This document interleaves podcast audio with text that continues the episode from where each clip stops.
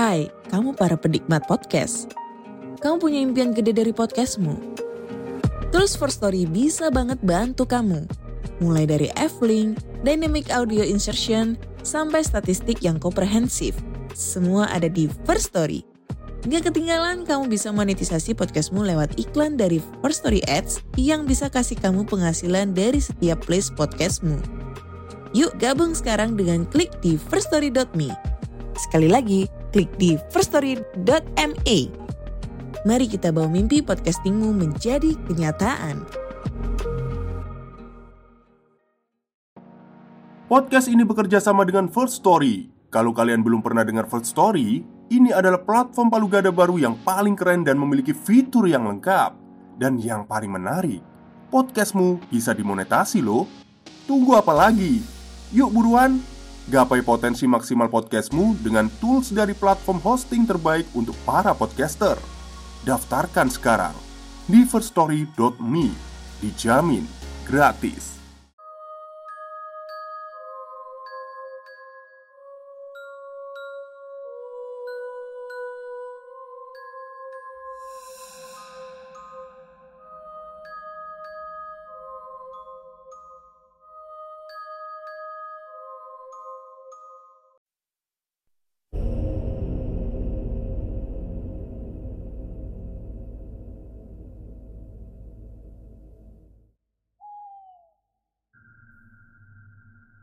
Assalamualaikum warahmatullahi wabarakatuh. Halo semuanya. Jumpa lagi dengan saya Chow Sing Sing Kurator dari podcast Horror Night Story. Halo apa kabar semuanya?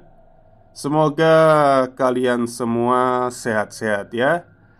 Dan pada hari ini saya akan membawakan sebuah kisah yang dikirimkan melalui email yakni kisah yang diceritakan oleh Mas Danton.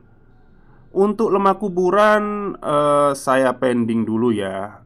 Takutnya kalian bosen gitu kan. Kok udah lima hari ini lemah kuburan terus gitu. Jadi untuk lemah kuburan saya lanjutkan besok Jumat. Eh, jadi ini saya selingin lah ya cerita pendek dari Mas Danton. Oke, daripada kita berlama-lama, mari kita simak ceritanya. Assalamualaikum Mr. Chow Sing Sing Kita berjumpa lagi dalam sebuah tulisan Pada malam hari ini Saya akan menceritakan sebuah cerita pengalaman horor Yang pernah dialami oleh teman-teman saya Ketika mereka akan berkunjung ke tempat saya yang sedang bekerja di salah satu klub malam yang ada di suatu kota besar di Indonesia. Untuk nama dan lokasi saya nggak berani menyebutkan karena alasan penghormatan. Kejadian ini terjadi pada tahun baru 2023 kemarin. Saat itu dikarenakan saya masih terikat kontrak sama manajemen yang lama, saya mendapatkan undangan untuk nge-DJ di salah satu klub malam dan eksekutif karaoke yang ada di kota P. Awalnya, saya sempat gak mau karena untuk menuju kota P tersebut harus menggunakan pesawat selama beberapa jam dari Jakarta. Sebagai orang yang kurang nyaman naik pesawat seperti saya, tentu saja itu sebuah mimpi buruk. Tapi ya, sudahlah pada akhirnya, saya berangkat ke sana juga. Dan karena bosan, saya pun turut mengundang beberapa kenalan saya yang kebetulan mereka bekerja di sebuah pertambangan di kota itu untuk datang pada saat saya nge-DJ di klub tersebut. Sebelumnya, saya mohon maaf kalau cara saya bercerita menggunakan bahasa Indonesia yang baku. Ya, karena begitulah cara saya berbicara sehari-hari dan untuk selanjutnya saya akan bercerita dari sudut pandang mereka. Hai Namaku Fredo asal Bandung. Saat ini saya bekerja di sebuah pertambangan yang cukup besar di kota P. Sebagai asisten manajer dan selama bekerja saya tinggal di sebuah mes khusus karyawan Yang memang sudah disediakan oleh perusahaan. Udah kebayang kan gimana membosankannya, gimana menjenuhkannya harus tinggal dan bekerja di lokasi yang sama, dan cukup jauh untuk ke mana-mana, bahkan untuk ke kota terdekat pun. Setiap dua bulan sekali, saya mendapatkan libur selama satu minggu. Waktu yang cukup singkat untuk membunuh kebosanan selama saya bekerja di sini. Dan kebetulan saat itu ada pesan masuk ke WhatsApp dari seorang teman dari Jakarta yang mengundangku untuk datang ke sebuah acara di sebuah klub malam di daerah sini. Saya langsung menelpon rekan-rekan kerjaku yang kebetulan mendapatkan jatah libur pada minggu ini untuk pergi ke tempat hiburan di mana temanku nge-DJ. Akhirnya berangkatlah kami berlima pada jam 7 malam menggunakan mobil Glen Roser dari Mes Tambang ke kota yang menghabiskan waktu satu setengah jam untuk sampai ke sana. Sesampainya di kota P, temanku memberikanku sebuah share location lewat WhatsApp dan mobil kami pun langsung menelusuri petunjuk arah yang ada di Google Map. Sesampainya di sana, saya memarkirkan mobil di basement. Di basement terlihat jelas ramai sekali. Lalu lalang orang keluar masuk. Oke, karaoke dan klub di lantai tiga kami semua langsung merapikan baju dan bersolek untuk kemudian bergegas menuju lift. Lift pun terbuka di lantai tiga dan wah, sungguh meriah sekali pada malam itu. Para pengunjung klub malam sangat ramai sekali. Saya bergegas ke tempat resepsionis untuk memesan sofa yang masih kosong untuk kami duduki. Kami pun memilih sofa paling kanan tepat di samping meja DJ yang terletak agak sedikit lebih tinggi daripada dance floor. Meskipun sofa VIP tersebut mahal, bagi kami nggak masalah lah, karena kami adalah anak pertambangan. Waktu sudah menunjukkan pukul 12 malam. Namun temanku saat itu belum main juga. Saya coba untuk menghubungi via WA. Namun pesannya hanya centang satu saja. Handphonenya tidak aktif.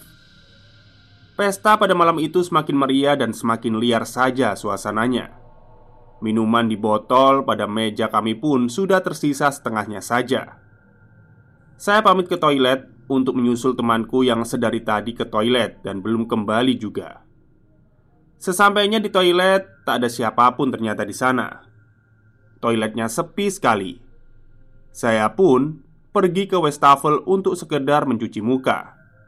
Dan setelahnya saya mencuci muka itulah Ada beberapa kejadian yang menurutku cukup janggal Samar-samar muncul aroma anyir darah Dan sesuatu yang hangus tercium oleh hidungku Saya hanya berpikir Ah, mungkin saja saya mulai mabuk Saya pun membasuh muka saya sekali lagi dan kali ini Nampak semua ruangan toilet dipenuhi oleh asap Ah, masa iya sih asap rokok? Kalaupun iya, baunya nggak seperti ini harusnya kan? Dan harusnya asapnya bisa tersedot ke dalam exhaust fan Seketika perasaanku mulai nggak enak Saya langsung bergegas keluar toilet dan astaga Di luar toilet kacau sekali keadaannya semua pengunjung pada malam hari itu panik dikarenakan ada kobaran api di bagian meja DJ dan atap diskotik sudah terlalap kobaran api yang sangat besar. Saya yang panik mencari semua rekan kerja. Semua pengunjung pada malam hari itu saling berdesakan dan saling injak berusaha untuk menuju pintu keluar gedung. Tapi sayangnya, di muka pintu keluar mereka semua malah saling berjejalan Hingga mereka saling berjepitan Alhasil semuanya terjepit di pintu keluar dan para pengunjung diskotik yang berada di tengah dance floor Tetap berusaha mendorong mereka yang ada di depannya Yang pada akhirnya semua pengunjung termasuk saya terjebak di dalam Kobaran api dan asap mulai memenuhi seluruh ruangan sampai membatasi pandanganku. Entah sudah berapa orang yang saya injak di lantai akibat saking paniknya. Kekacauan pun makin menjadi-jadi ketika atap plafon mulai rubuh ke bawah, yang mengakibatkan orang-orang yang berada di bawah tertimbun, terjepit, dan ada yang terbakar. Jeritan minta tolong semakin kencang terdengar di sana dan sini. Sungguh, malam itu sangat mengerikan. Api yang berkobar makin besar. Suara teriakan minta tolong dari para pengunjung yang sangat keras terdengar dari mana-mana, dan asap yang semakin tebal membutakan pandanganku, menyesakkan paru-paru, dan akhirnya semua keadaan itu membuatku lemas dan jatuh pingsan. Mataku gelap seketika dan tidak ingat apa pun lagi. Esok paginya, saya dan rekan-rekanku terbangun di suatu bangunan yang sudah tidak utuh lagi, disertai dengan temboknya yang hitam hangus terbakar. Kami semua melihat ke sekeliling bangunan, lalu sejenak kami saling pandang satu sama lain. Mungkin dalam hati kami saat itu berpikir, apakah kami semua sudah mati? Namun, pikiran itu seketika hilang ketika ada salah satu rekanku yang jatuh karena tersandung balok kayu. Meskipun kepala kami semua masih pusing dan kami semua masih bingung terhadap apa yang terjadi, saya pun langsung mengajak rekan-rekan untuk keluar, mengambil mobil di basement gedung. Dan saat kami melangkah, tiba-tiba handphone bergetar. Saya cek kemudian membuka WhatsApp yang ternyata pesan dari temanku yang berbunyi, "Fred, semalam kamu gak jadi datang ya? Ah, tega nih. Padahal udah ditunggu." Eh, sebentar. Kalau ini bukan tempat kerja temanku, terus ini di mana? Pikirku saat itu. Kami semua langsung melangkahkan kaki keluar dari gedung sembari melihat ke sekeliling ruangan yang nampak sudah hangus dan rusak. Sesampainya di luar gedung, kami melihat gedung ini sudah hangus dan sisa-sisa kebakaran masih ada. Dan kebetulan juga ada pita kuning yang bertuliskan Police Land. Melihat itu semua, kami semua bingung, ketakutan. Langsung saya tancap gas untuk pulang saat itu juga. Jadi ternyata kami yang semalam mengunjungi diskotik Ternyata itu adalah diskotik bekas kebakaran beberapa bulan sebelumnya Dan apa yang kami lakukan itu ternyata ya semacam halusinasi kami sendiri bingung bagaimana menjelaskannya. Oke, sekian cerita pendek pengalaman horor dari salah satu teman saya yang sempat dia ceritakan ketika kami berdua bertemu di Bandung kemarin. Kalau ada waktu, saya akan ceritakan yang lainnya juga. Oh ya, kalau suka bernostalgia mendengarkan musik dugem tempo dulu, silakan mampir ke channel YouTube saya. Salam Danton AXL. Oke, ini adalah cerita pendek dari Mas Danton ya. Pengalaman seram yang dialami temannya Mas Danton ketika salah menghadiri acara ya.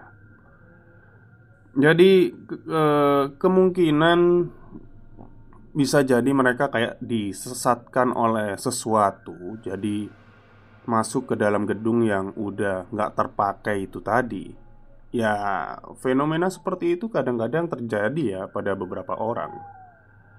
Dan untuk kalian yang suka klub, maksudnya itu suka mendengarkan musik-musik DJ, silakan mampir ke channelnya Mas Danton AXL. Di sana tersedia berbagai macam uh, musik ya, dari musik yang tempo dulu sampai yang uh, modern gitu. Pokoknya musik-musik dugem lah ya. Oke, mungkin itu saja cerita dari saya pada hari ini. Semoga kalian suka. Selamat malam dan selamat beristirahat.